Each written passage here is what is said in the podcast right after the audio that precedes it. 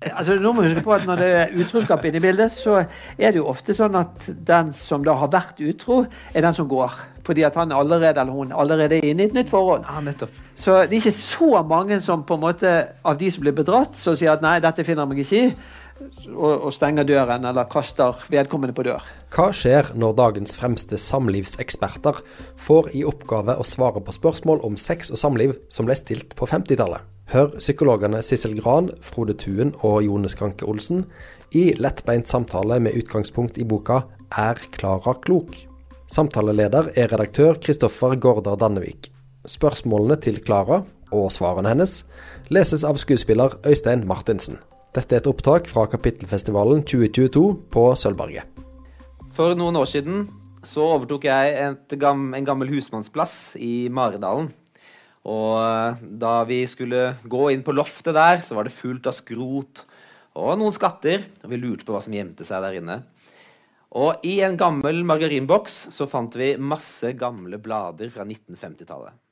Og da vi begynte å lese dem, så fant vi denne Klara Klok-spalten. Og vi leste dem sent på kvelden med venner, og vi ble kloke på livet, og vi lo og vi gråt. Og så slo det meg, da. Hva om vi hadde gitt disse gamle spørsmålene til dagens Klara Kloker? Og ettersom jeg da hadde lyst til å starte forlag, noe jeg da har gjort, eh, så tenkte jeg at dette kunne være et av de første prosjektene. Og jeg spurte Frode Thun, Sissel Gran, Katrin Sagen og Peder Kjøs om å være med på dette prosjektet. Det var de jeg så for meg var dagens viktigste Klara Kloker. Og alle fire sa, litt til, glede, litt til min overraskelse og store glede, ja til å være med. Katrin Sagen skulle ha vært der i dag. Uh, hun uh, klarte ikke å komme uh, av viktige grunner helt på slutten. Eh, så da har vi fått inn Jone Skank Olsen. Det er vi veldig glade for. Og han er ekstra sporty, altså, for han kjenner ikke disse spørsmålene like godt som oss andre. Eh, men dette er tross alt en lettbeint samtale, og vi skal prøve å involvere dere i publikum etter hvert også. Så vi skal nok få det bra.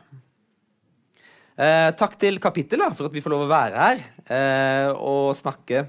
Temaet for festivalen er brudd. Og det er klart at det dreier seg mye om brudd i disse spørsmålene fra Klara Klok også. Det er samlivsbrudd, eller brudd mellom datter og mor.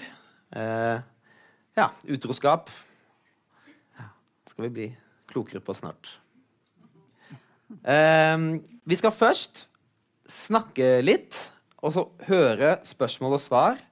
Og etter hvert så skal vi prøve en helt ny eh, form for lek, hvor dere skal få lov å stemme over uh, ja eller nei til dilemmaet er riktigst. Så det kommer vi til. Men eh, jeg tror vi skal bare begynne med et spørsmål som er sendt inn fra en kvinne som kaller seg Alltid bitter. I 1948. Så skal vi få høre det. Jeg tror Klara Klok må være en mann, da alle deres svar til ulykkelige hustruer er hardhjertet og unnskylder mannen. Eller har kanskje Klara Klok aldri vært ute i livets sjøgang? Jeg hadde idealekteskapet med idealmann. Jeg var yrkeskvinne ved siden av ekteskapets første ti år, men de siste seks åra har jeg vært hjemme, som i paradiset. Min mann og jeg gikk helt opp i hverandre. Han bar meg som på sine hender. Han var oppmerksom, øm, lun, stø og solid. Mange venninner og omgangsvenner beundret og misunnet oss. Så, midt i herligheten, begynte jeg å føle noe. Folk som elsker hverandre høyt, kan merke hver nyanse i følelseslivet hos hverandre. Jeg, jeg ba Gud hjelpe meg med, med noe som kunne bestyrke meg i sikkerhet over å være elsket av ham. Men jeg måtte selv finne ut hva det var. Jeg arrangerte med omhu noe som avslørte min mann. Han hadde et forhold til en kontordame. Følelsene hans for henne har ikke vært så høye og edle, men på ganske alminnelig mannfolksvis. Men jeg er knust. Jeg sover ikke om natten selv om jeg tar sovemidler. Min mann sover heller ikke. Han bærer seg i mine armer og tigger og ber om tilgivelse. Han sier at han frivillig stiller seg under kontroll som kan gjennomføres på alle døgnets tider, med unntagelse av de seks minutter han sitter på trikken til kontoret. Når han er på arbeidet, ringer han opp hver time for å høre stemmen min. Stemmen hans er tilsløret av sorg, og han kan ikke samle tankene og, og reise hjem for å tigge meg om å glemme. Men glemme, det kan jeg ikke. Jeg må kun forsøke å se i øynene at slik er livet. Slik er mannfolkene, selv de aller beste av dem. Jeg må forsøke å leve videre, selv om jeg for alltid vil være bitter. Alltid bitter.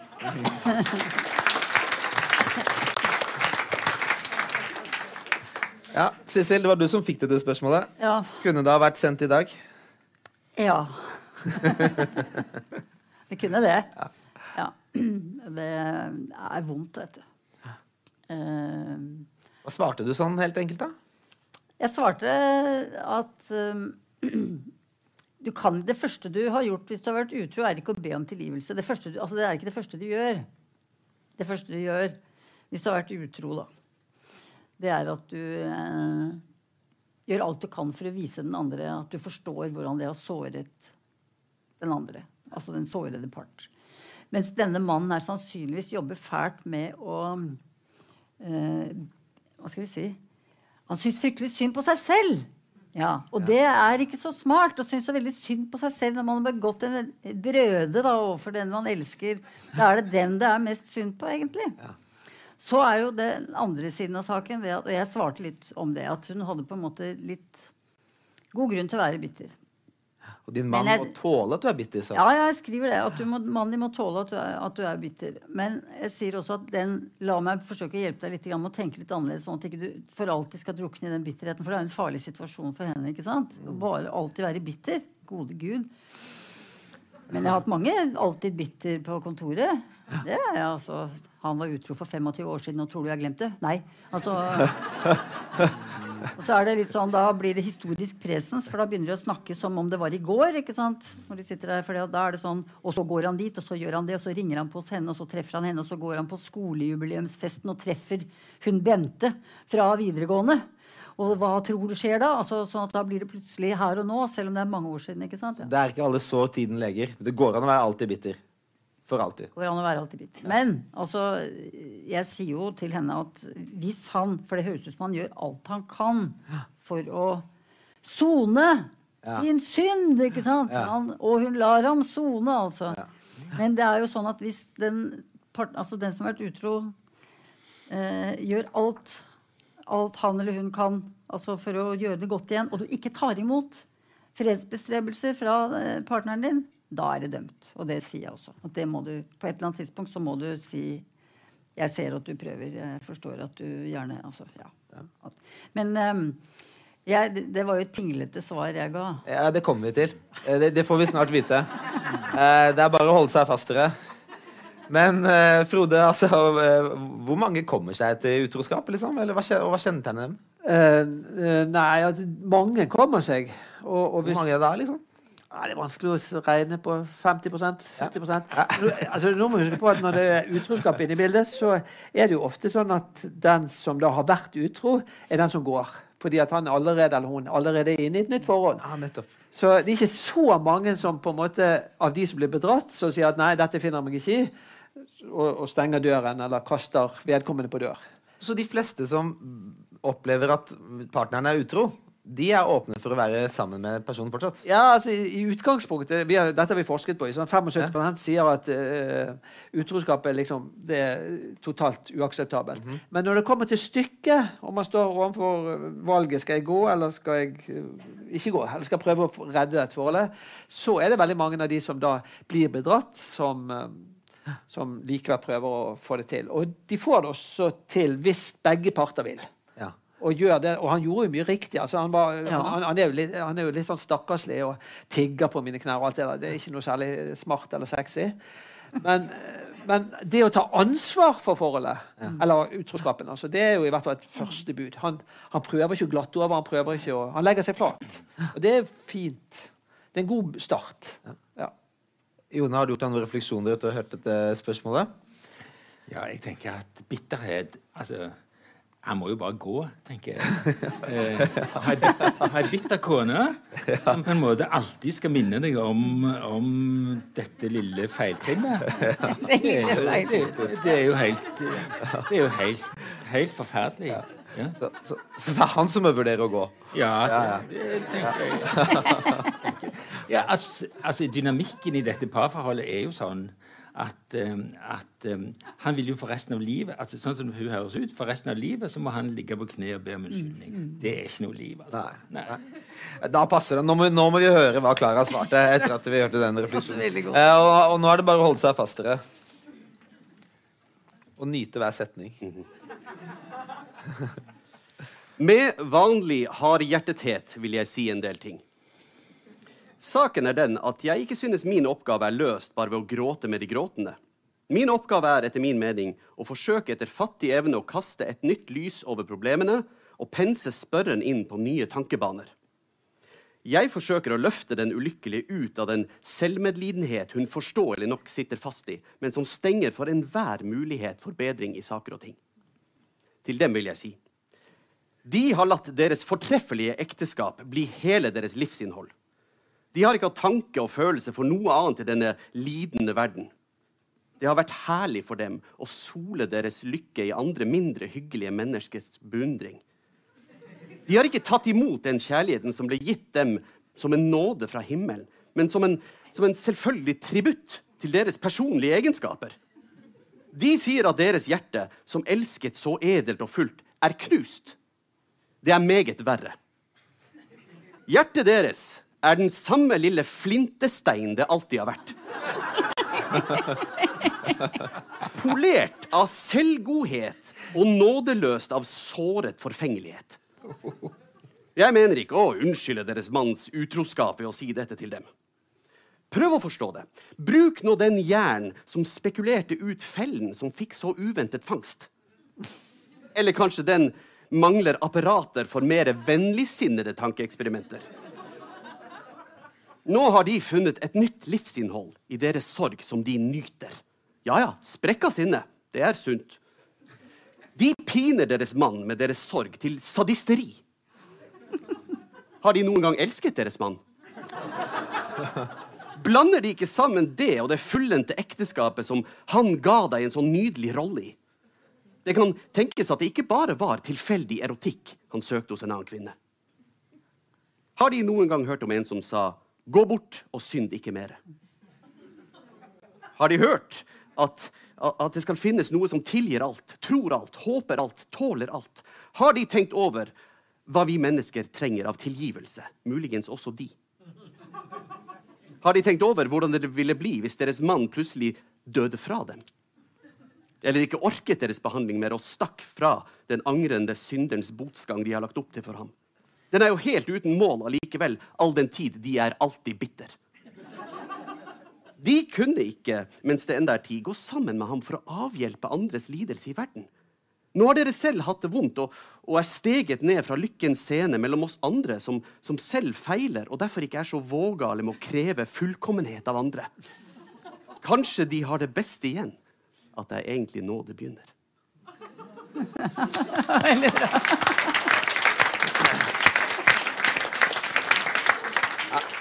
Hun kunne skrive, hun Klara, altså. Fy fader. Det er eh, Ja. Det er gode setninger, syns jeg. Ja, ja. Men uh, Jone, er hun inne på noe her? Du var litt inne på noe av det. var jo litt likt på slutten. Jeg, jeg syns du har helt rett. Ja. ja. Hvorfor det?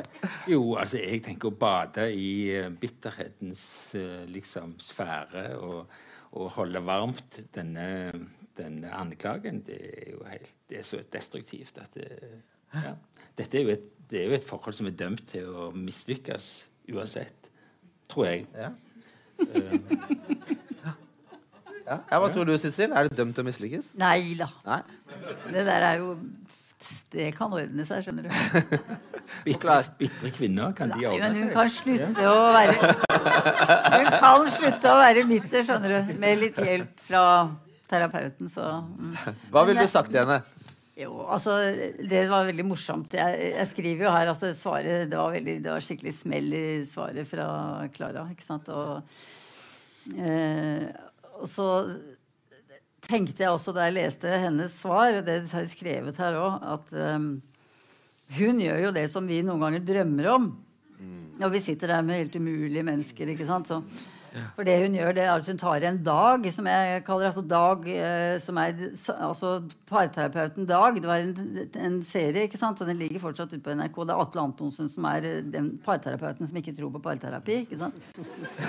Og det, det Dag, da, eh, altså Atle Antonsen alias Dag, jo gjør når han sitter med sånne par, da sier han f.eks.: Ja, dette parforholdet det er jo på vei mot den elektriske stol.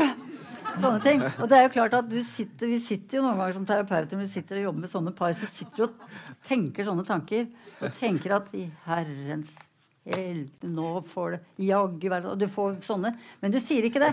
Fordi vi vet at det, hvis vi sier sånne ting, eller hvis vi skriver sånne ting, så får vi så pepper at det er nesten ikke til å holde ut. ikke sant? Så vi tilpasser oss uh, Altså vi er snillere i formen. Men hun har jo et sånt krav her om tilgivelse som er en kristen type krav om å tilgi. Altså at du skal gjøre det fordi det er godt for deg og bra for deg. og at, uh, sånn. Mens vi Tilgivelse tenker jo vi, det er en transaksjon. altså Det er en, det er en gjensidig prosess altså, som, eh, som, ikke bare handler om den enes mulighet eller evne til å tilgi. Men eh, jeg mener jo fortsatt at eh, Og det sier jeg at den, den utro mannen har, må gjøre jobben først. Og han er på god vei til å gjøre jobben først. Men jeg, forstår, jeg er helt enig med deg, Jone. Altså, å Leve med bitter kvinne.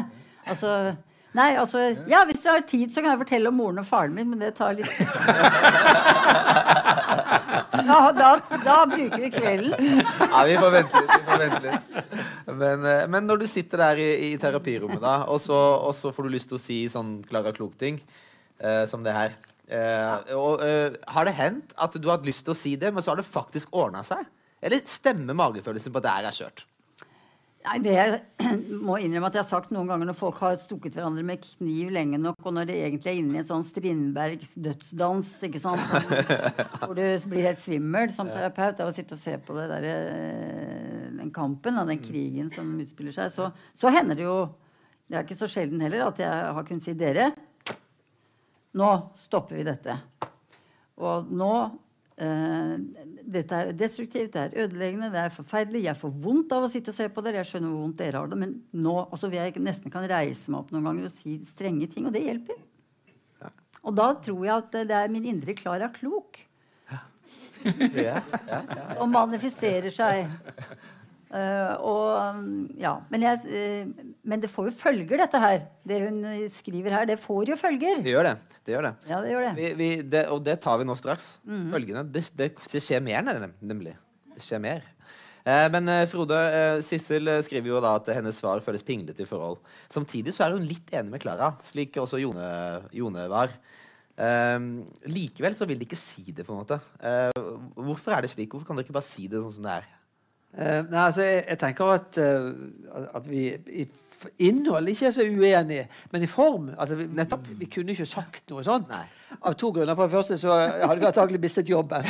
ja. Og for det andre så, så, får jo da altså, Det å moralisere, for det er jo det Klara Klok gjør. Ikke sant? Hun moraliserer. Og det er sjelden et godt triks hvis du skal endre oppfatning. Så det er jo først å validere og si at ja, jeg skjønner godt at du er lei deg og trist, og at dette utroskapet er forferdelig.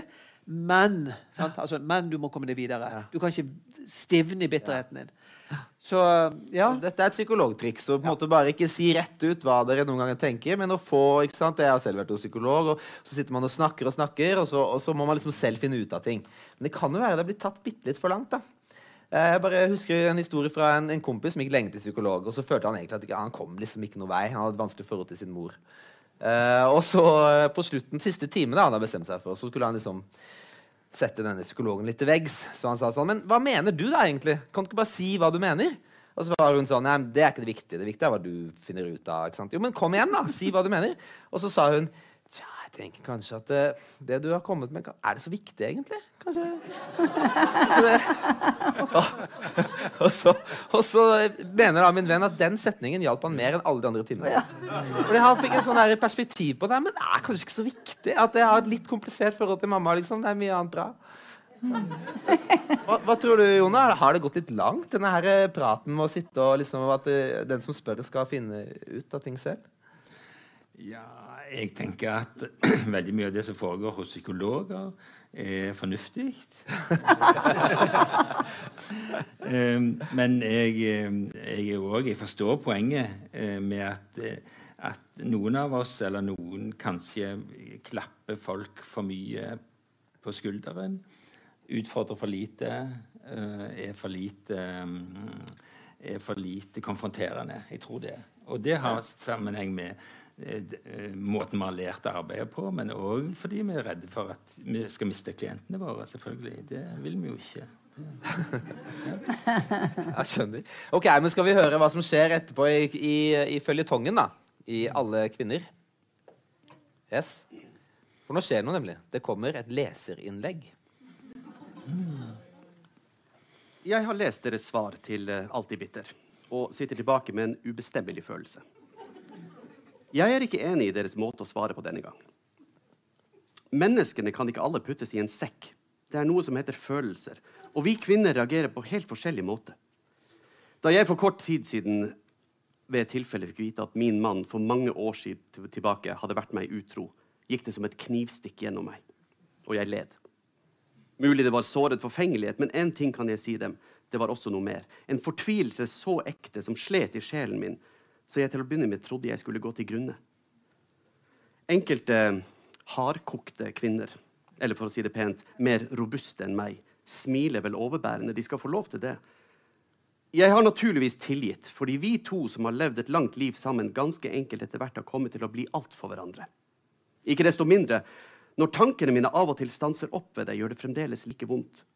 Og sannheten tro, i slike øyeblikk føler jeg som det er noe som har gått i stykker inni meg. Jeg har selv hatt bruk for og fått tilgivelse så mange, mange ganger. Om det ikke akkurat har vært utroskap, for jeg er gammeldags innstilt i henhold til ekteskap og dets forpliktelser. Men jeg kan dessverre ikke komme så langt at jeg kan glemme det. Mm -hmm.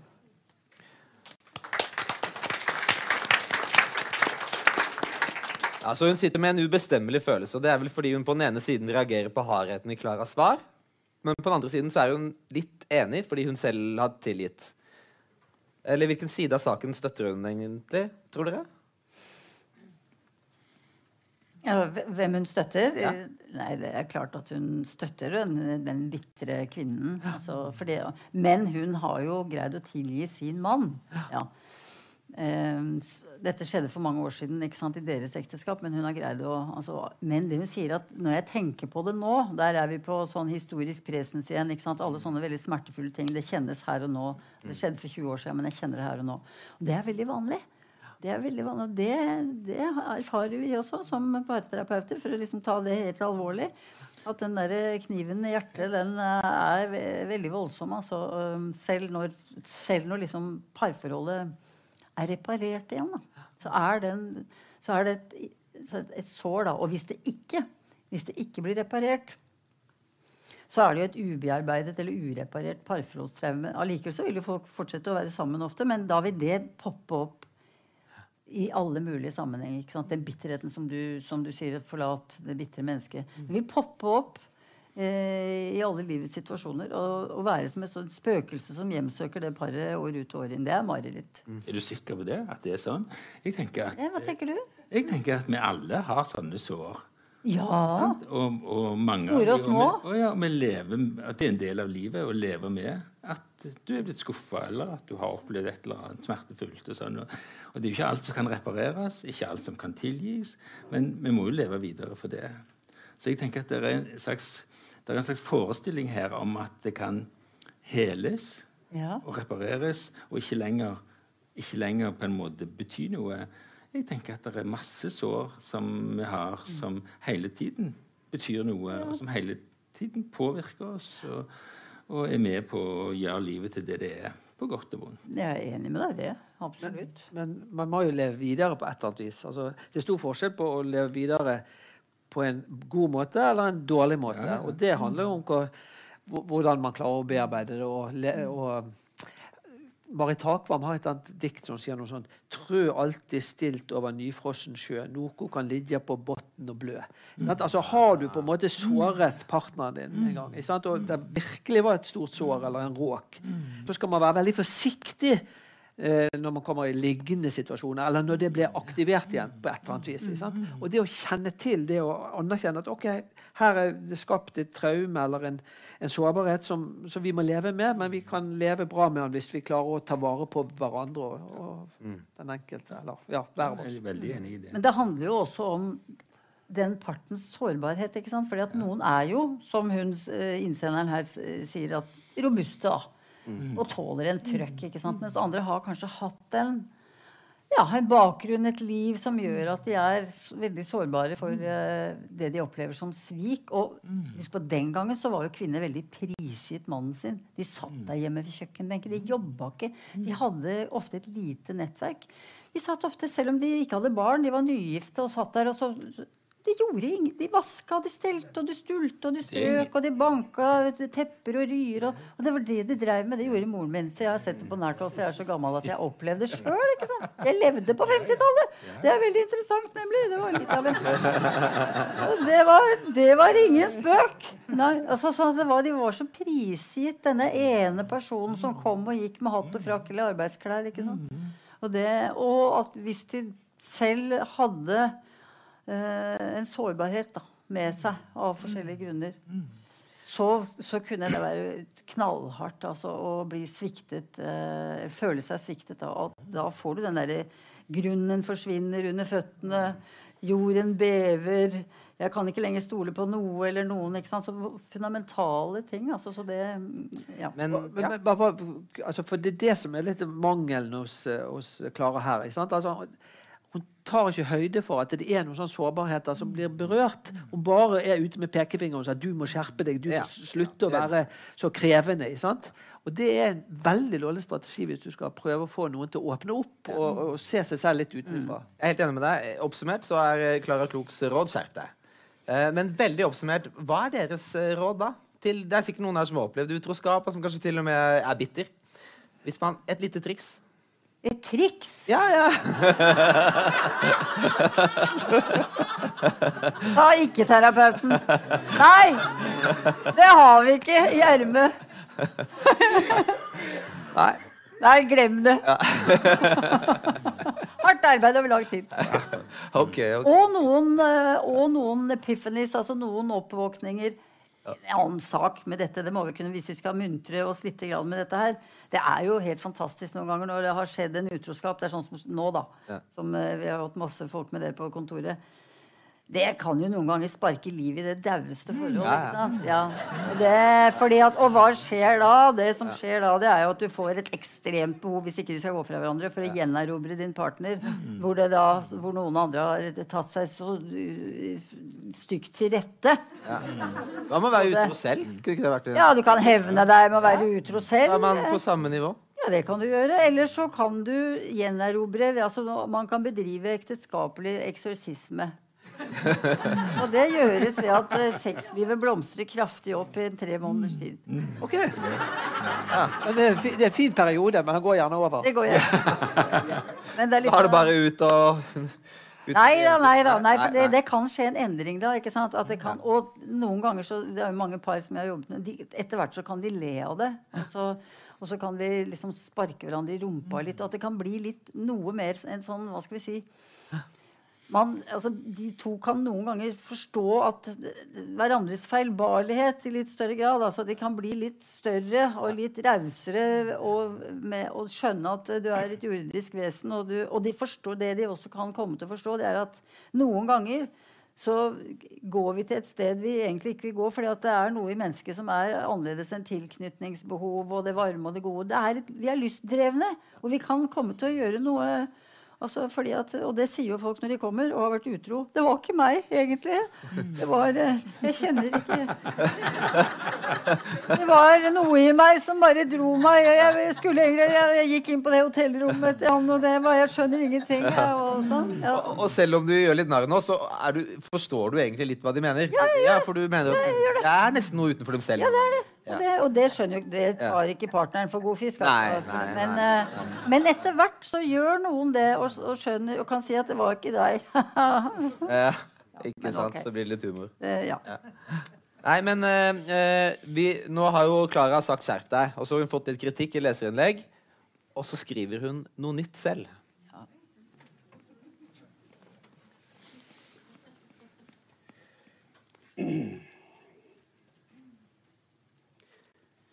Det er vanskelig å være Klara klok. Alltid bitter elsket sin mann og trodde de hadde verdens lykkeligste ekteskap. Så oppdager hun plutselig at han er henne utro, og da er hun blir alltid bitter. Hva han siden enn gjør for å prøve å gjøre det godt igjen, er det forgjeves. Hennes selvmedlidenhet virket som om den var uten grenser. Hun fikk et temmelig skarpt svar fra Klara Klok. Men nå har jeg en ny replikk. Jeg har mottatt et brev fra Alltid bitter, som er på det dypeste såret av mitt svar. Nå kommer hun med alle de opplysninger som jo burde vært med i første brev.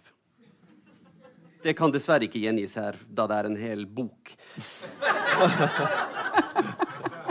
Det forteller om et barns utrolig magre og gledesløse barndom, en ung pikes bitre skuffelser og en moden kvinnes seige kamp for lykken, som endelig møter henne i mannens skikkelse. Hadde jeg hatt dette bildet av alltid bitter, ville mitt svar blitt meget annerledes.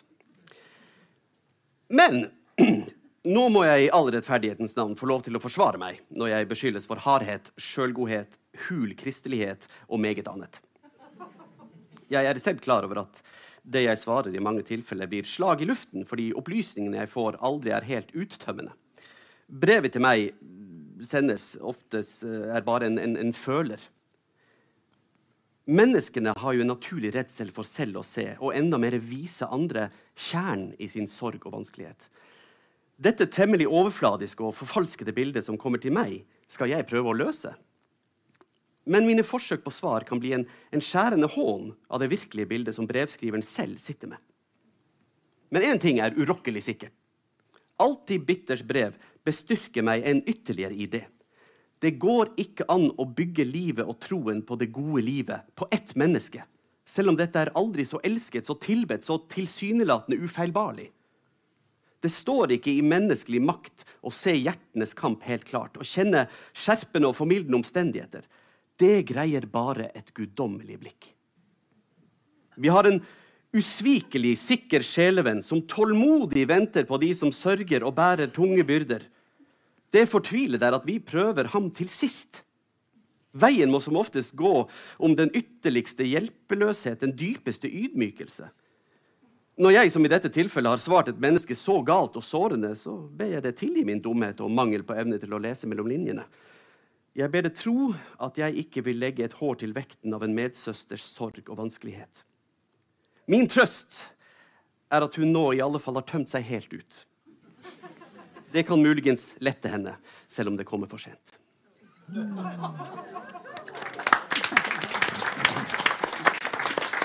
Ja. Jone, det er første gang du hører det. Hva tenker du med hennes forsøk på en slags tilgivelse?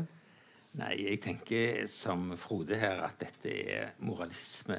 Ja. Moralisme og moralisme. Fortsatt. Ja, jeg tenker det. Men du var litt imponert. eh, Altså, kort og godt, Du var rystet og begeistret, du, Sissel. Av for det første svaret hennes Ja. ja, ja, ganske Men av denne, dette siste? da? Ja, jeg syns det eh, det er utrolig fint, det. Altså, hun øh, gjør jo det veldig mange politikere gjør i dag. Legger seg flat når de har, har sagt noe feil. Og tre damer som øh, akkurat har vært veldig meget i vinden. eh, tre damer vi kjenner.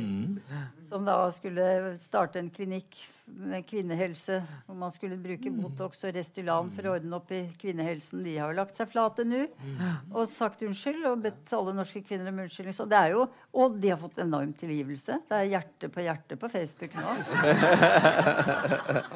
Det er jo fantastisk markedsføringstriks. Ja da, Ja. det er det. Ja. Men hun viser jo en dybde her, da. Altså, Ja, jeg hun, hun, først så var det skjært der, men her viser hun jo evnen til å kunne eh, se at det har noe med barndom å gjøre, det er noe med tidligere traumer. Ja. Ja. Sårbarhet. Jeg synes, altså det jeg syns er veldig morsomt med henne, hun skriver sabla godt. Ja, ja, ja. Hun har uh, ord i sin makt. Ja, ja. Og nå passer det at vi sier to ord om Klara Klok. for det- Ja, kan du ikke gjøre det? For det Ja, er, det, er, eh, det er det var dame. ikke en mann, det var en kvinne på denne tiden. Eh, muligens eh, i andre perioder kan det ha vært en mann. Eh, men det var en kvinne som het Ingrid Arnulf, som ikke hadde noe psykologfaglig eller terapeutbakgrunn i det hele tatt. Og det hadde, var veldig få av dem på den tida.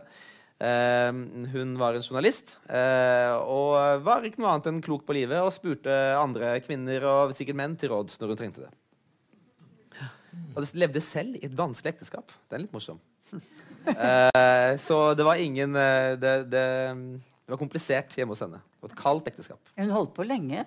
Ja, hun holdt på helt i 70-tallet, tror jeg. Ja. Så Begynte i 1948, så Alltid bitter er nå det første hun gjør. Og moderert seg litt med årene. Ja, eh, det tror jeg nok. Ja. Ehm, har dere spørsmål til dette temaet? Eller til Holdt på å si til Alltid bitter. Det går ikke an for henne å svare, men uh, Er det noen som vil uh, når det gjelder utroskap, eller Det blir flere sjanser, dere, så det går bra. Det er er sikkert noen som egentlig har lyst til å si noe. Favorittema rekke opp hånden og spørre om når det gjelder utroskap. Har du noen gang opplevd utroskap for mange av? Ja, men da tenker jeg at Vi kan avslutte denne seansen med et generelt spørsmål til salen. hvis jeg får lov. Eh, jeg har lyst til å spørre salen Hvem syns at dagens psykologer bør være litt mer rett på sak? Eh, og de som mener det, altså eh, litt mer som Klara Klok, da. Kanskje ikke helt sånn, men eh, de kan si ja høyt. Er dere klare?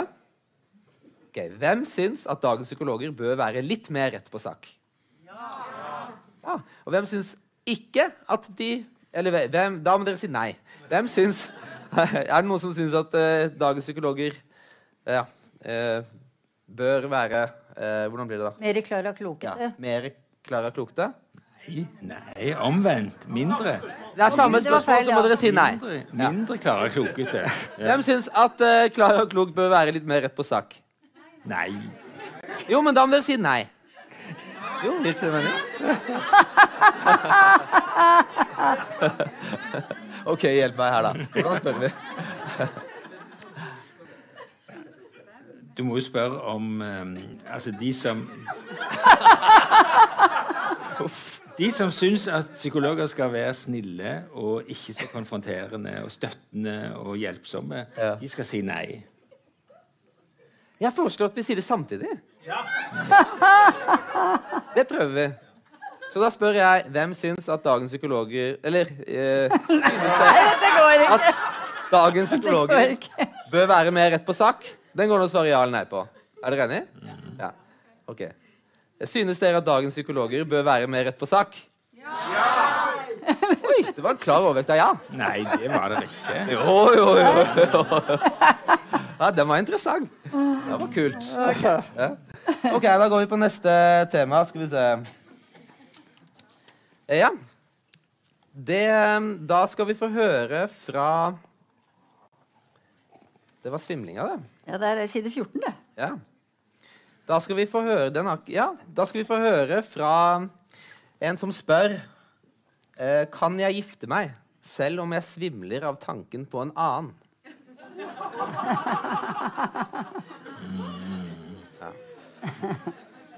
Kjære Klara Klok.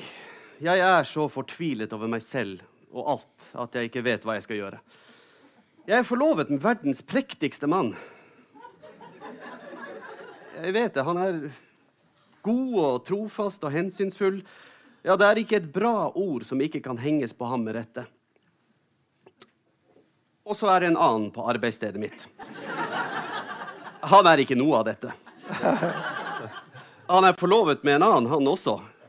Men det er noe mellom oss som ikke lar meg være i fred. Han kommer mellom hver gang jeg er sammen med min forlovede. Jeg, jeg tenker på ham slik at jeg kan rødme av skam. Og likevel så, så, ser jeg at han er en jeg aldri i livet kunne gitt meg i lag med for alvor. Jeg kan kritisere alt ved hans karakter, men han kommer mellom min forlovede og meg allikevel. Kan jeg gifte meg når jeg har det slik? Jeg kan si til meg selv at, at jeg skal bli så trofast, så prektig hjemme, så arbeidsom og takknemlig og nøysom. Men er dette nok? Hva med kjærligheten her? Er det til ham som jeg har det så godt og sikkert hos? Eller er det til ham som bare gjør meg skamfull og lei meg selv, men allikevel svimlende annerledes? Oh.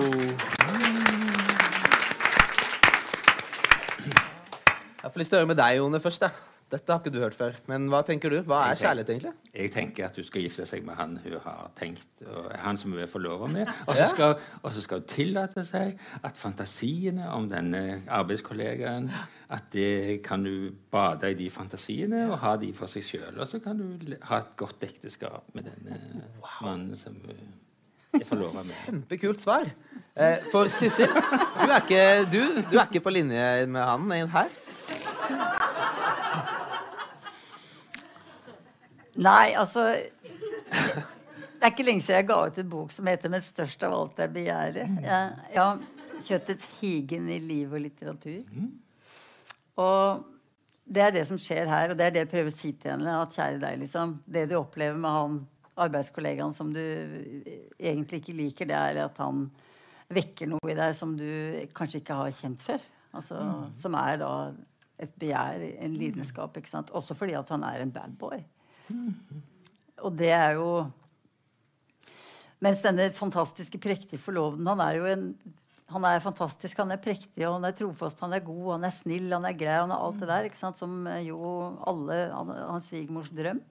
Men han er jo han er jo veldig helt tilgjengelig for henne, mens denne andre er jo ikke det. Altså, noen ganger så blir vi jo veldig fascinert av det som ikke er tilgjengelig for oss. Det som er fremmed, det som er litt skremmende, det som er, det som er spennende, og det som er uoppnåelig. Ja. Så um, jeg sier litt om det til henne, altså for, rett og slett bare for å tenke litt igjennom hva det er som foregår i deg selv. Liksom. Ja. Men bør hun gå på date med han badboyen? Ja, nei, det har jeg ikke.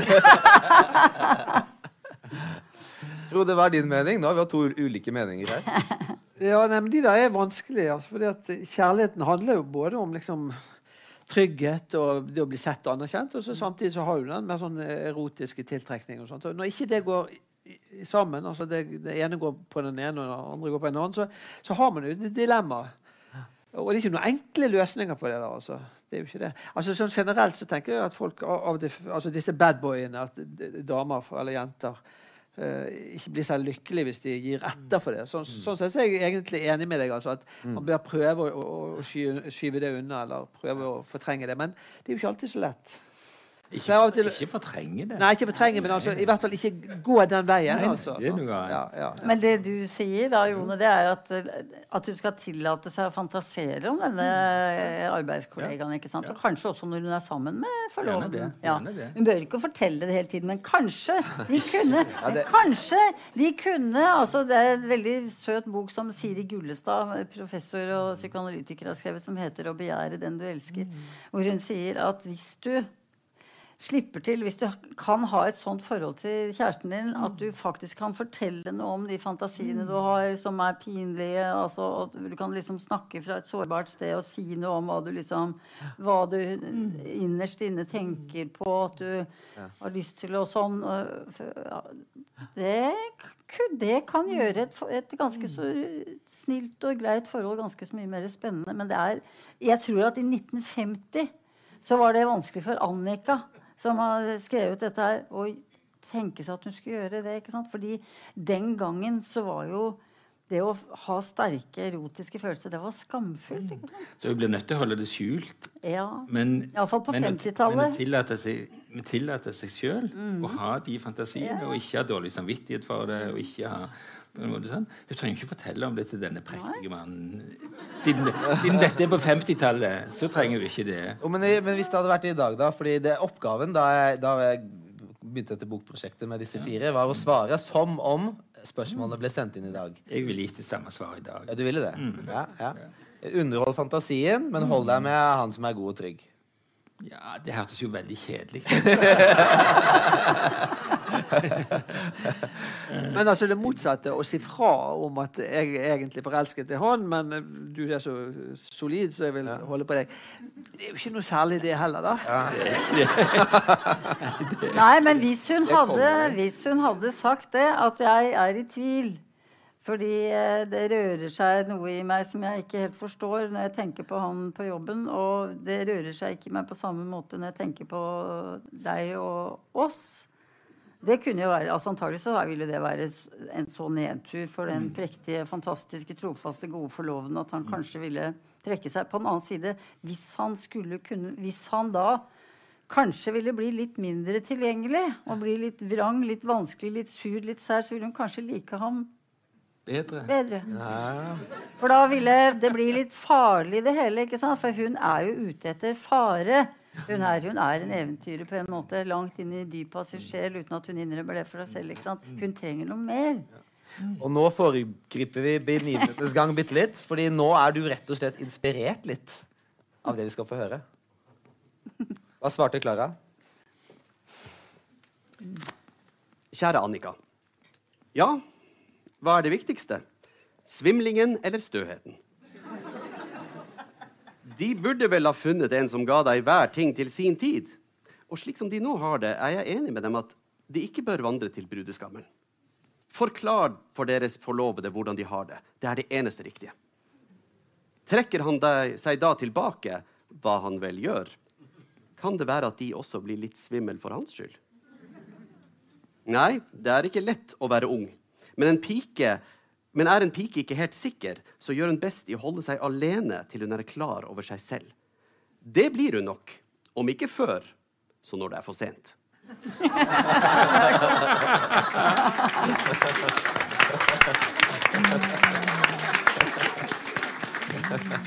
Så Klara sier jo nettopp det, da. Fortell det til forloveden. Og når han trekker seg tilbake, kanskje blir han litt bad boy, han òg, ja, så svimler du kanskje for han. Kreativt?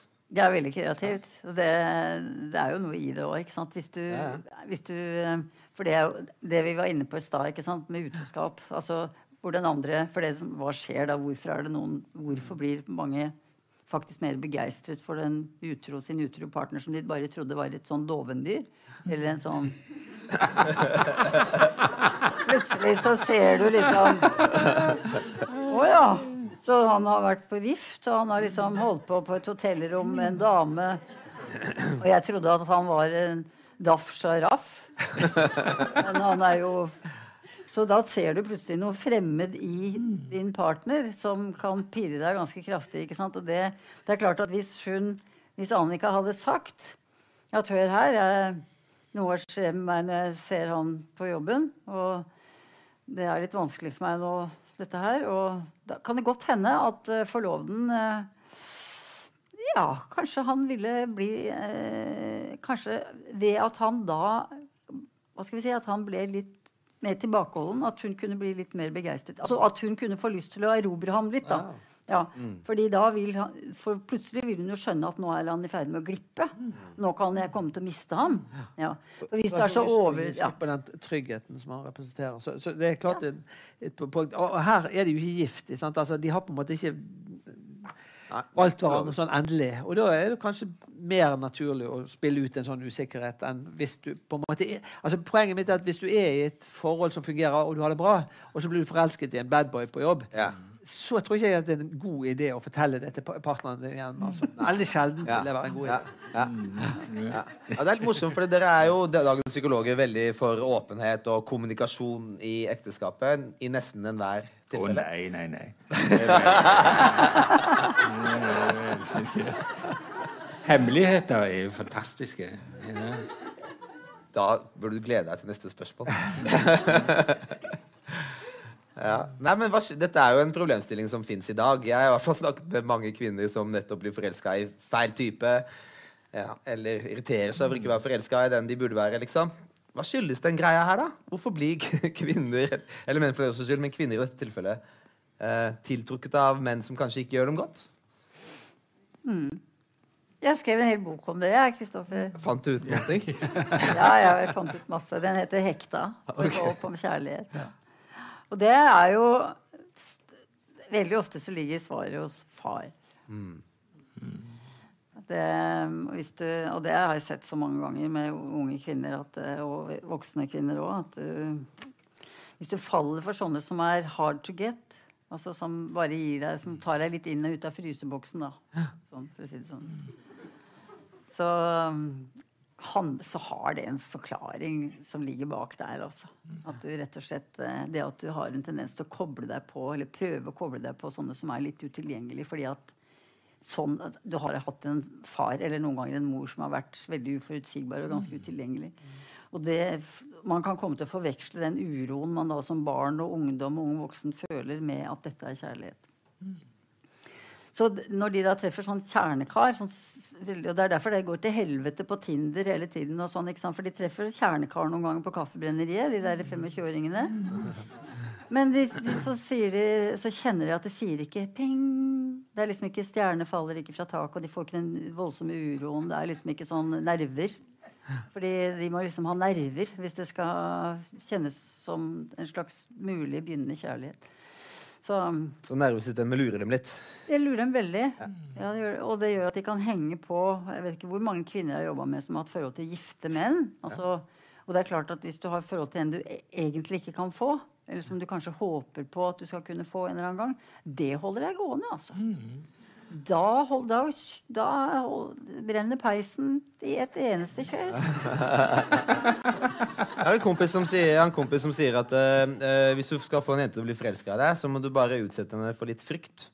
Så han sier at du må sette henne på sykkelstyret og sykle i full fart ned en bakke. For Ja, eksempel. ja. Eh, så det er noe, kanskje noe i det, hvis Ja da. er av den typen. Ja, ja, ja, ja, ja. ja, Det nytter ikke med en liten kaffe da på kaffebrenneriet.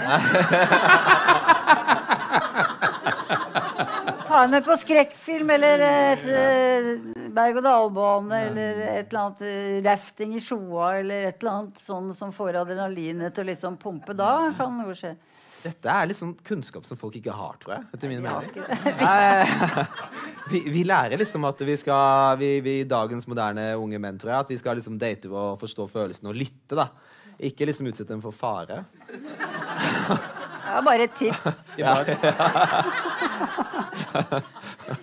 Altså, De som har lest Sissels bok, de vil jo gjøre det. Ja, ja, det, det er bra. Vi kan spre litt eh, kunnskap. Men jeg fikk eh, en gang jeg hadde vært og snakket om dette her, eh, så kom noen unge studenter opp. og Jeg var i Trondheim. Unge menn. Flotte, søte, sånn 20, 21, 23 år gamle. Helt normalt utseende, hyggelig utseende unge menn. Og sa vi vet ikke hva vi skal gjøre lenger. vi, fordi at det, Samme hva vi gjør, så blir det gærent. Vil de bare ha Tarzan, liksom? Tarzan, jeg. Har du hørt om Tarzan, du da, liksom? Altså 21-åringene. Ja, Tarzan, dere husker han med, han med ballebuksa? Men, men det, fordi de, det de opplevde, det var at hvis de var litt pågående og sånn, så var det liksom Hvis de sa veldig hva de var ute etter, da Jeg er veldig ute etter en kjæreste, og jeg er litt kjærlighetssyk, og kunne, hvordan er det med deg? Liksom, så var det too much. Men eh, og, så og hvis de liksom var veldig snille og varme og lyttende, og sånn, så var det, da var de kjedelige. Så de, de følte at de hadde mista repertoaret. De visste ikke hva er det kvinner vil, hva er det jenter vil, hva skal vi gjøre, Sissel Gran? Ja, virkelig vanskelig, altså. Og hva svarte du da? Nei, det- Jeg sa at jeg sa ikke at de utsetter dem for fare. Altså. Jeg gjorde ikke det. Jeg sa du må bare ta sjansen på å si at hvis du er ute etter en kjæreste, hvis du vil ha et forhold, hvis det er det du er ute etter, så si det. Og hvis hun ikke, hvis det får en til å rygge inn i fuglekassa, så er det ikke henne, da. På et eller annet tidspunkt så vil du treffe en som vil det samme som deg. Men, men et, et spørsmål til, bare. Har, har det noe betydning på hvilken tidspunkt i syklusen man treffer en jente? Jo, unnskyld, eh, men eh, noen mener det. Ja, du er jo lege, da. Ja. Det Svar. Så, så på, altså, rundt eggløsning så er man ute etter en sånn type mann, men i en annen, tids, en annen periode så er man ute etter Nei? No, noen andre arter opererer jo sånn. De kan ikke sant, få en til å passe på barna, og en annen som er faktisk Mm. far. Jeg sikkert på jorda, altså. For all del. Sikkert Altså, veldig skummelt å å date premenstruelle kvinner tror jeg kan være ganske utfordrende. Altså. Ja. Ok. okay ja, vi premenstruelle kvinner eller kvinner i eggløsningsfasen de tar ofte på seg ganske flashy fargede klær. Lebes, de tar den rødeste leppestiften og sånn. De vet ikke selv, men det du Men premenstruelle også? Var det det du sa? Nei. Ja, altså i, i eggløsningsfasen, ja. I eggløsningsfasen. Da tar de på seg sterke farger. Da er det på med det røde og Riktig. på med den røde leppestiften. Og, og da sier jo sånne evolusjonsbiologer at da lukter menn. Ja, altså, det har gjort Er det er da veldig skumle greier? Ja, for, for, for, Nei, de det har vært gjort undersøkelser. Det er faktisk på en sånn strippebar hvor da de undersøkte om det var slik at kvinnene som da var i eggløsningsfasen, fikk mer tips enn i perioder hvor de da ikke var Samme damene også? ja. Dette gjorde de helt systematisk, og eh, de, de fant altså 30, 30 mer tips i de, de periodene de var eh, i eggløsning. Ok. Ja, så det er noen ting her vi ikke helt blir klok Altså, på. mennesket er et dyr. Det, er Ja, veldig, ja, ja. Han lu- lukter seg frem til hvem som har rett, eller det kan, bør ikke være det. Det kan også være at hun oppfører seg annerledes. Ja, det er en mulig forklaring Ja, også. At, at de er hun, litt eh, mer eh, Åler seg mer rundt da, for eksempel. Ja. Hva vet jeg? Jeg, Jeg, jeg har aldri vært på noen sånne sted. Det er veldig lenge siden jeg hadde eggløsning, så jeg vet ikke heller. Men jeg husker det!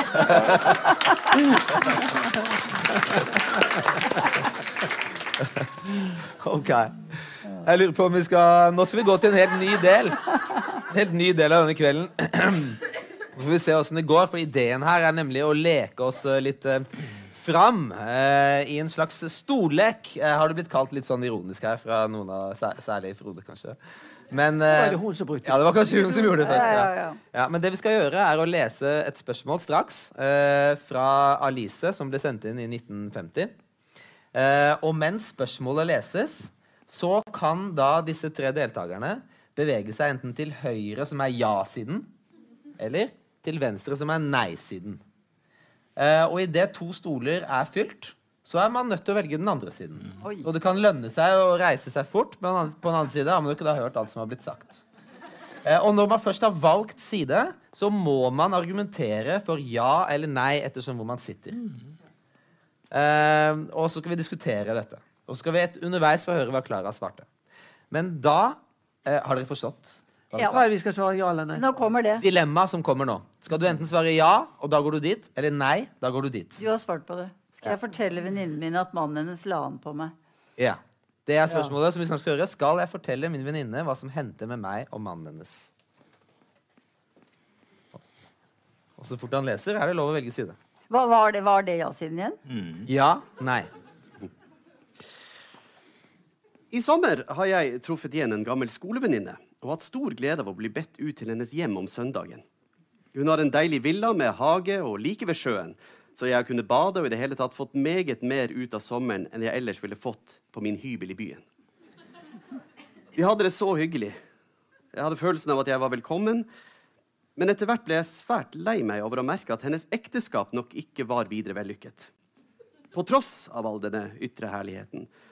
Hun tok meg i sin fortrolighet, hun var ensom og ulykkelig. Jeg har inntrykk av at det var derfor hun ba meg så energisk ut til seg. Nå er noe annet kommet til. Jeg kan nemlig ikke la være å merke at hennes mann liker meg mer enn jeg kan ta imot som hennes venninne. Sist jeg var der ute, sto han selv opp og kjørte meg til byen om morgenen. Og da hendte det ting som gjør at jeg ikke orker å komme ut igjen denne søndagen. Ja, aldri mer. Hva skal jeg gjøre? Min venninne vil tro at når sommeren er over, så bryr jeg meg ikke lenger om å reise til henne. Reiser jeg ut, kan jeg jo ikke være påfallende uhøflig mot ham heller. Skal jeg ikke like godt fortelle det som det er? Åh. Nei.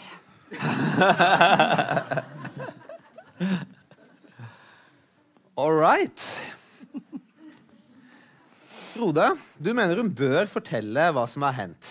Ja, jeg syns hun må gjøre det. Hvorfor det? Nei, fordi at uh, venninnen er jo fortrolig mot henne, og uh, da er det naturlig, syns jeg, å være fortrolig tilbake igjen. Og det hun har opplevd med mannen Vi vet ikke helt hva det er, men hun har vel antagelig oppfattet det. Altså I vår tid så ville vi si at det er en sånn metoo-opplevelse. Og, eh, og, det tenker jeg at hun ikke skal holde skjult for venninnen hvis hun skal være en nær og fortrolig og lojal venninne. Men dere er uenige? Du gikk jo fort, Jone. Ja, jeg tenker at eh, selvfølgelig skal jeg ikke fortelle det.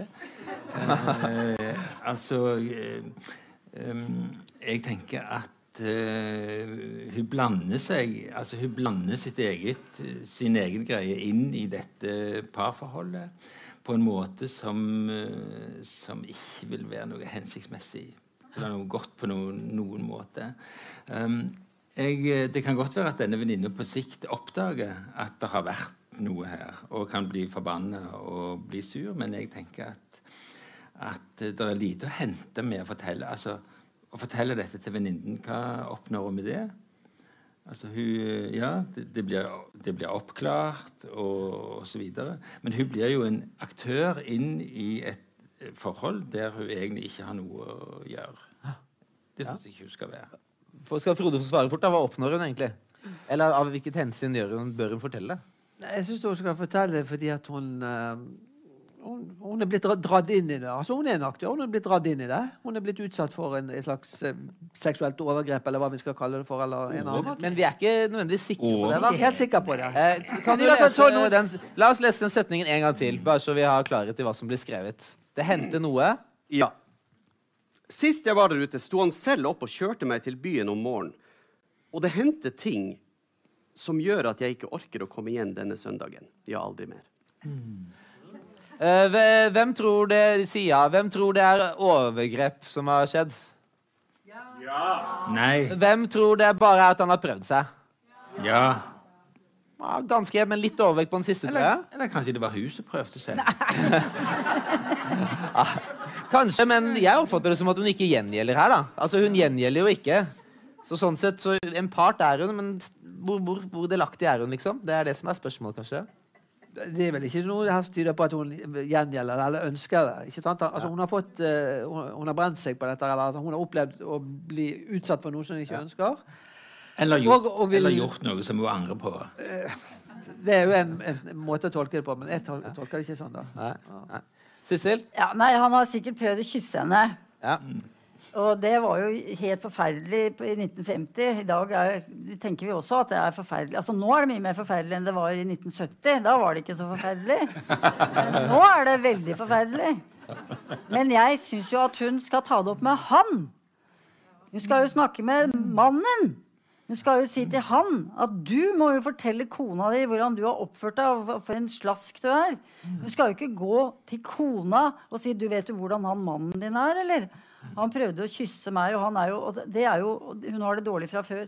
Men hvorfor skal hun ikke snakke med han? Syns jeg, da. Ja. ja, men hvis det var ja. ja, men Hvis det var din mann, da, Sissel, du ville vel likt å vite det? Nei, så visst Det er langt ifra! Nei, det vil jeg da. Hvis han i sin dumhet etter fire glass rødvin hadde prøvd å kysse en venninne av meg i drosja hjem Nei, vet du hva. Men nå er jeg 71 år og har eh, vært ute en vinternatt, så Nei, nei, det ville jeg ikke visst. Men Frode, hvis det var du da som hadde gått over streken, kanskje du hadde angra? Du ville vel ikke likt at uh, du skulle blitt sladra på? Nei, det, det, er jo helt opplagt. Men, men utgangspunktet, her er jo at hun venninnen har jo da betrodd seg til denne hovedpersonen her om at hun har det vanskelig i ekteskapet. Mm. Og eh, på en måte hun har blitt dratt inn i denne ulykkelige situasjonen. Og det å dele det med, med, med venninnen, som er en fortrolig venninne, det tenker jeg er en, en helt grei ting. Ikke i enhver sammenheng at man skal dele hva man har opplevd, eller hva man vet. Men her er hun blitt dratt inn i det på en sånn måte at jeg syns det er ganske naturlig å dele. Hvis det var noe helt annet som ikke dreide seg om på en måte flørt, men at hun uh, har sett uh, at mannen uh, Jeg vet ikke, tok narkotika eller hisset seg opp uten grunn og gjorde noe dumt. ville du sagt det samme, at hun også bør fortelle, eller står dette her med flørting og sex i en særstilling? Jeg tenker det siden, eh, siden det er det, det problemstillingen handler om i, i forholdet deres. Ja. Sant? Og at hun er blitt utsatt for denne, eh, den flørten, da, eller overgrep, eller hva man skal kalle det for. Men altså, det er, no, eh, noe er jeg enig med deg i. fordi jeg tror at hvis hun hadde sagt det, altså at uh, dette her skjedde, så ville jo Hun har det vanskelig i ekteskapet, denne venninnen. Så ville kanskje venninnen eh, skjønt at det var en grunn til at hun hadde det vanskelig i ekteskapet. Og kanskje det kunne gitt en sånn slags beveggrunn til å bevege seg ut av det, eller ta opp med mannen at 'jeg syns ikke vi har det bra'.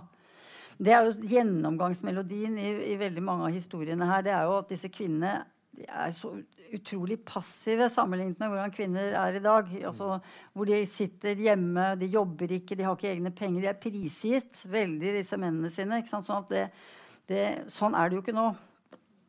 Men jeg har fått det spørsmålet mange ganger. vet du, jeg drev og skrev i Aftenposten i 13 samfulle år, altså, Frode. Det var slitsomt, det.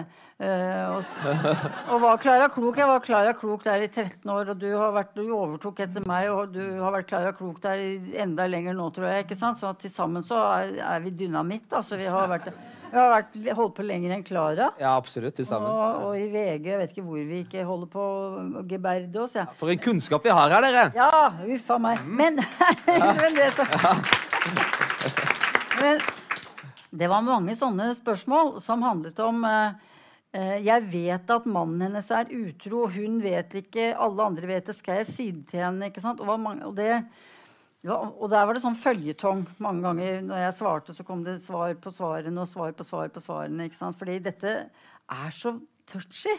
Det skal du liksom skal du komme med og det, en dårlig nyhet til venninnen din Og det vi jo vet, det er at hvis du kommer med en sånn dårlig nyhet da, til venninnen din, så hender det jo at det er den budbringeren det blir skutt på. ikke sant? Fordi det som vil antageligvis vil komme til å skje her, det er at hun som da har en mann som prøver seg på venninnen i bilen der Det er forhold til venninnen som kommer til å gå i stykker. Skjønner du?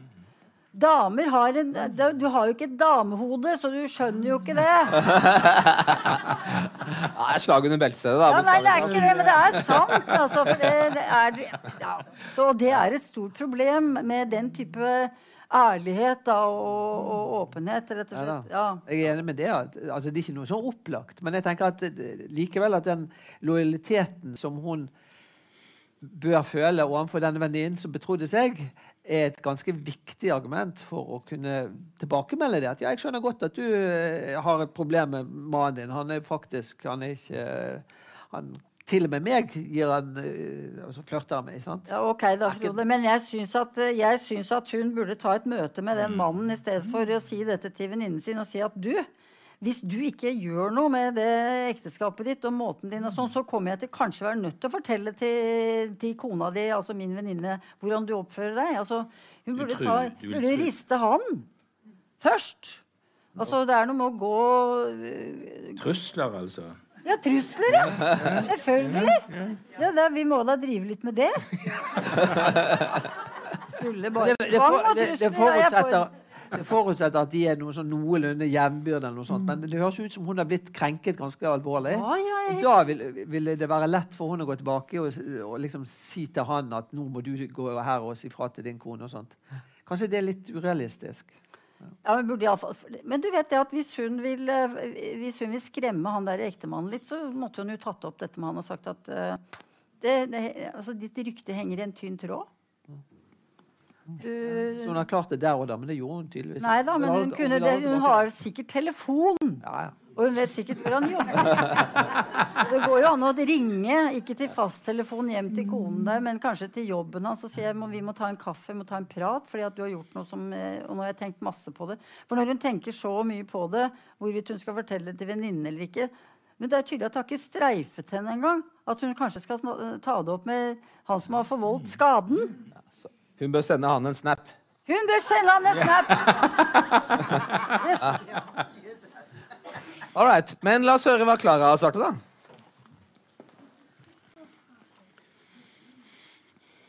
Nei og atter nei. Hun har det vel vondt nok som det er. Du må kunne finne et påskudd for den første tid, og så kan du invitere henne energisk inn til deg. Dere to kan vel gå på kino eller hygge dere der oppe hos deg etterpå. Eller du kan be et par andre damer sammen med henne. Legg an på å bevise at det er henne selv du setter pris på, og gjerne vil takke for sommeren. For det må du nettopp kunne understreke på denne måten. Og skulle hennes mann oppsøke deg i byen for å føre denne flørten videre, må du ganske enkelt svare at det vil du ikke. Ja, fall nå ikke for fristelsen til å bli også hans medfølende selskap. Det har en fantastisk tendens til å utvikle seg med rivende fart i en bestemt retning. Så mange ulykkelige hustruer har hatt bestevenninnens forståelse av mann på toppen av ulykken. Ok. Så Frode, nå har du rett og slett eh, disse to og Klara mot deg. Jeg føler nesten litt synd på deg. Du sitter alene. Ja. Da får du siste ord, i hvert fall. Ja, det hjelper. Nei, altså det Nei, det, det er òg et poeng her som jeg svarte i, Ja. som jeg har glemt. Og det er jo at uh, hun vil jo ikke komme ut der igjen etterpå fordi at det er så ubehagelig å treffe denne mannen. Og skal, skal det da liksom bli en sånn der uh, spørsmål hos denne venninnen som var åpen og fortrolig? Og liksom, Hvorfor kommer ikke hun hjem til oss mer? Altså, dette blir jo hengende helt i luften. Hvorfor har hun ghostet de? Mens det er egentlig han som har påført henne en situasjon, og som da denne venninnen altså er, vet godt om hvorfor, hva som har skjedd her. Og Personlig syns jeg også det har stor betydning at ekteskapet går dårlig, som Ja. du også har lagt vekt på. For da har hun jo allerede åpnet seg om at ting er vanskelig der. Ja, og det er et viktig premiss. Ja, Ja. Ok, dere. Ehm, da skal vi eh, stemme, og da kan vi prøve da å si samtidig ja eller nei etter at jeg sier 1, 2, 3. Så eh, skal jeg fortelle min venninne hva som hendte med meg og mannen hennes. 1, 2, 3. Nei. Det var ikke lett. Da får vi ta det annenhver gang, da. Ok, Alle som sier ja, gjør det nå. 1, 2, 3. Ja! Og alle som sier nei, gjør det nå. 1, 2, 3. Nei. Wow! Denne her er ordentlig interessant. Det var sterkest nei. Er det, er det Ja, var det det? Ja, ja, ja. Ja, ja, ja. ja. OK, en siste gang. En siste gang. Alle som sier ja, gjør det nå. Én, to, tre. Ja! Alle som sier nei, gjør det nå. Én, to, tre. Nei. Nei, det er uavgjort. Jeg mener det. Det uavgjort. Du, og i, så fall så syns jeg vi må gi Frode litt eh, honnør. Ja. For han satt alene på kanten der ja, det var tøft. og klarte å overbevise halve salen Det omtrent. er bra, Frode. Og hvis det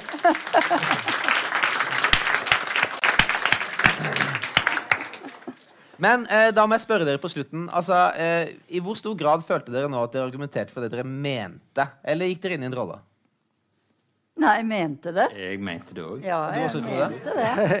Ja, altså, Når du blir stilt sånn ja-nei, så, så mente jeg for så vidt Men, men det er jo opplagt at den type spørsmål er ikke noe sånn enkelt. Det er ikke sånn ja eller nei. sant? Og, og i mitt svar så er jo jeg også mer nyansert. Ja, så helt opplagt. Du er på ja, men du, du forstår den andre Helt, siden. helt klart. helt klart. Og i en gitt situasjon så ville jeg gjerne landet på, på, på nei også. Men i denne situasjonen så landet jeg på ja da, når jeg svarte. Ja, Men du har svart i boka di. da, Så jeg var litt tro mot, mot mitt eget Ja. svar. Men Var det litt vanskelig å sitte på kanten der, Helene? Ja, ja, ja. ja. Forferdelig. Ok, jeg tror vi har tid til ett spørsmål til, har vi ikke det? Jo. Eh, greit. Ja, nå blir det spennende. Skal vi se. Eh, neste spørsmål det er sendt inn av eh, Julie i 1949. Uh, og det er kort oppsummert. Min mann er ikke sammen med meg. Bør jeg gå ut med en kamerat isteden? Ja-siden er der, og nei-siden er der. Jeg ble gift i vår, og de første par månedene var jeg så lykkelig. Min mann og jeg gikk turer sammen i hans fritid, vi reiste ut og badet og hadde det hyggelig hjemme. Men nå i høst har, han fått så mange andre interesser. Han har sitt faste turnparti en gang i uken. Han har sitt bridgeparti. Og så har han så mange, mange gamle sportskamerater som stadig ringer og vil ha med på trening, møter etc. Det er slett ikke sjelden at jeg sitter alene om lørdagen. Det er det aller tristeste. Jeg bare sitter og kjeder meg, har intet å ta meg til. Jeg kan ikke tro at han er glad i meg når han kan ofre vår lørdagshygge på den måten? Jeg har en gammel skolekamerat som bor i en hybelleilighet like ved oss. Han har oppdaget at jeg sitter meget alene hjemme, og spør om jeg ikke da kan stikke over til ham eller gå ut med ham når jeg er alene. Men jeg er litt redd for at det skal bli for meget av det, så jeg har ikke gjort det mer enn et par ganger. På den annen side mener jeg at når min mann ikke lenger er mer glad i meg, behøver jeg ikke å ta hensyn til ham. Hva syns du, Klara? Oi!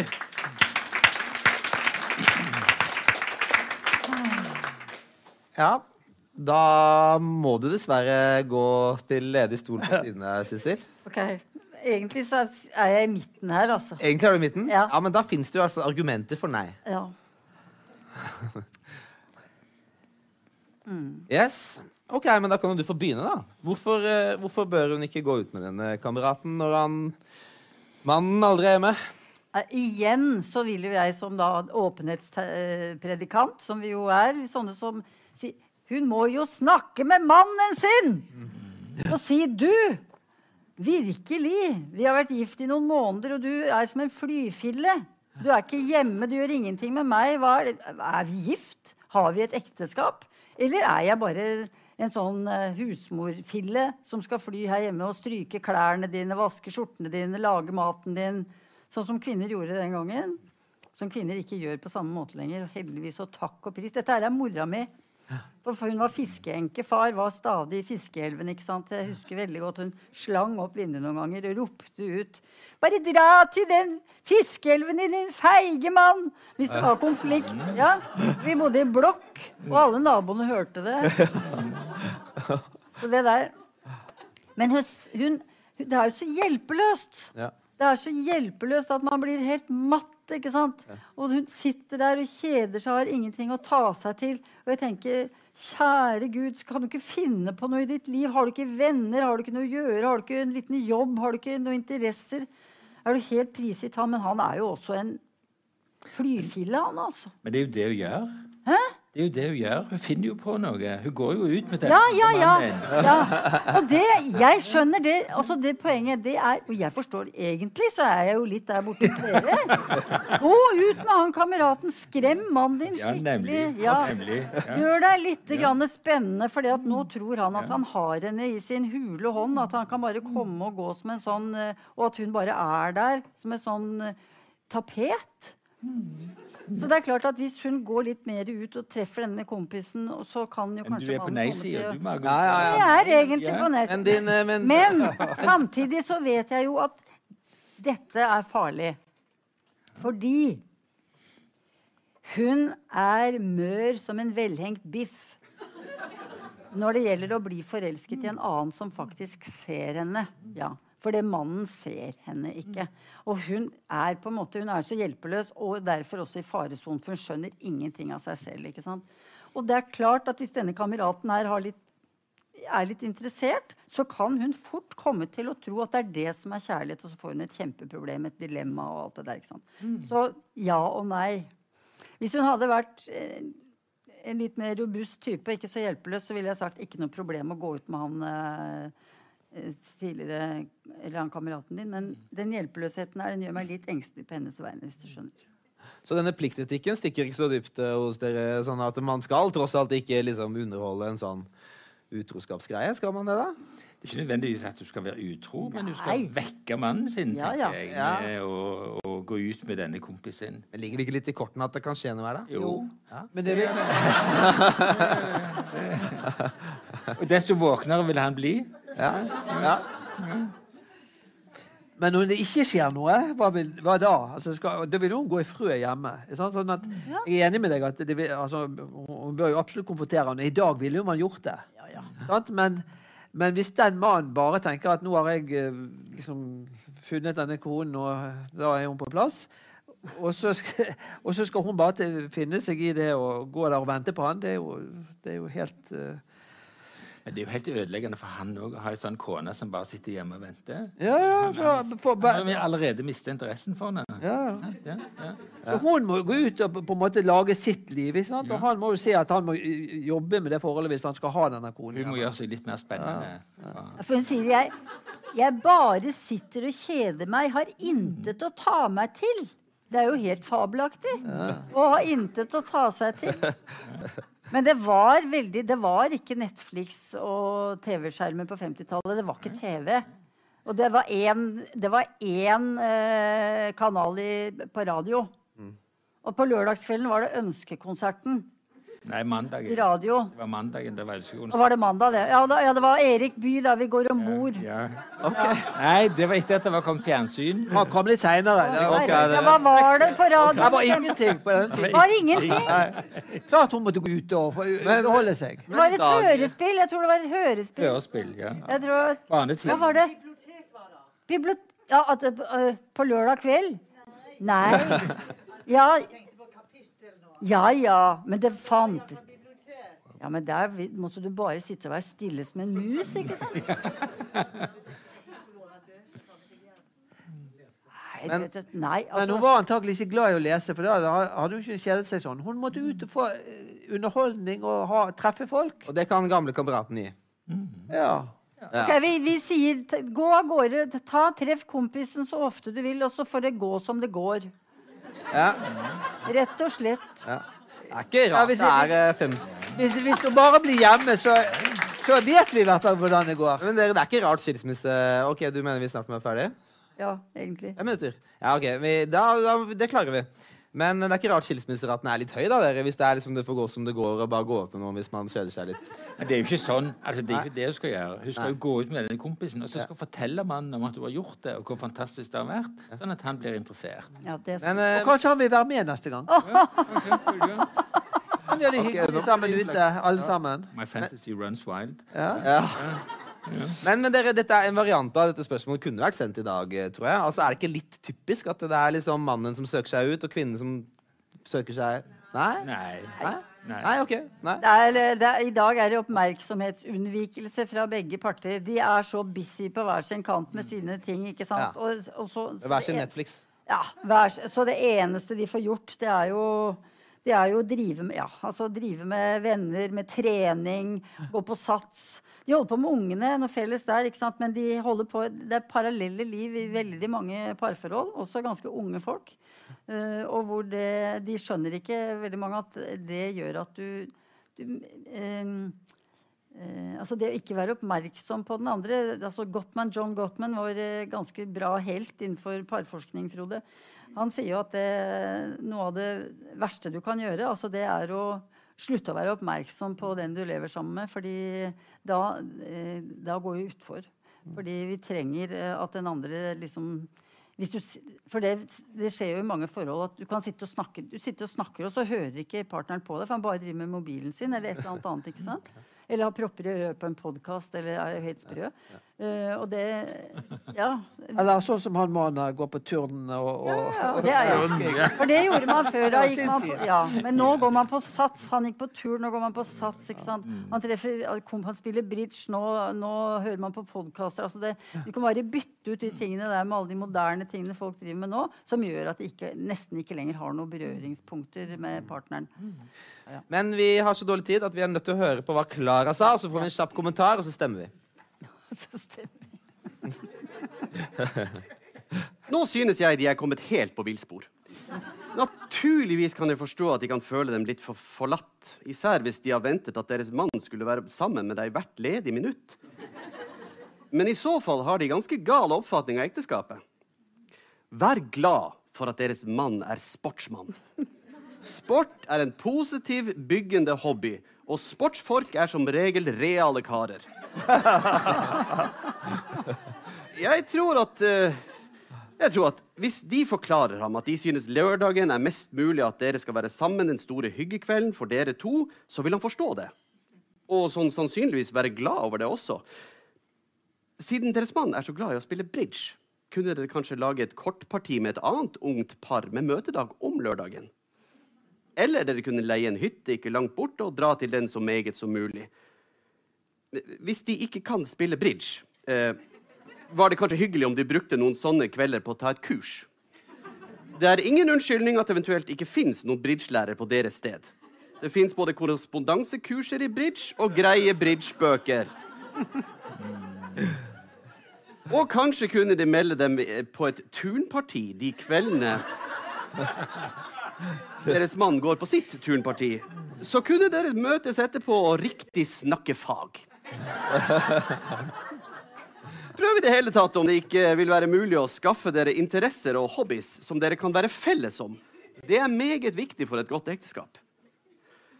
Men selvfølgelig, det er ikke alltid at et sånt interessefellesskap er mulig. Man kan bli glad i hverandre for det. Og ekteskapet kan bli utmerket godt allikevel. Men da må de bygge dem opp deres egne interesser. Det er avgjørende viktig om de skal bli tilfreds og lykkelige og forholdet deres, deres godt. Det er det samme om det er slektsforskning, tennis, veving eller noe annet. Hovedsaken er at de har noe som opptar dem ved siden av mann og hjem. Har de interesser som fyller dem selv, risikerer de ikke å bli sittende der og være sjalu på interesser som stjeler deres manns tid. Og sjalusi er den minst sjarmerende egenskap som fins. Glem heller ikke deres gamle venninner. En skal sannelig ikke gi dem på båten fordi man er lykkelig gift. Gå fremfor alt ikke hen og bli sur og kravfull med en martyrglorie om hodet. Da er 101 ute. Og med hensyn til deres mannlige klassekamerat sier jeg bare vokt dem for ham. Vokt dem for alle snille mannfolk som vil ta seg av gifte koner som tror de blir forsømt av sine menn. De har en egen evne til å skape ufred og ulykke hvor enn de kommer.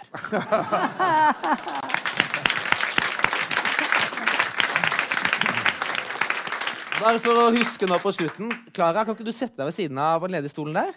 For nå har vi jo Klara Klok på laget her, i hvert fall. Eh, og, Klara Klok er jo liksom er, de, Dere er begge to enige om at han har skumle hensikter, han klassekameraten? Har dere ikke det? Mm. felt. Ja? ja? ja?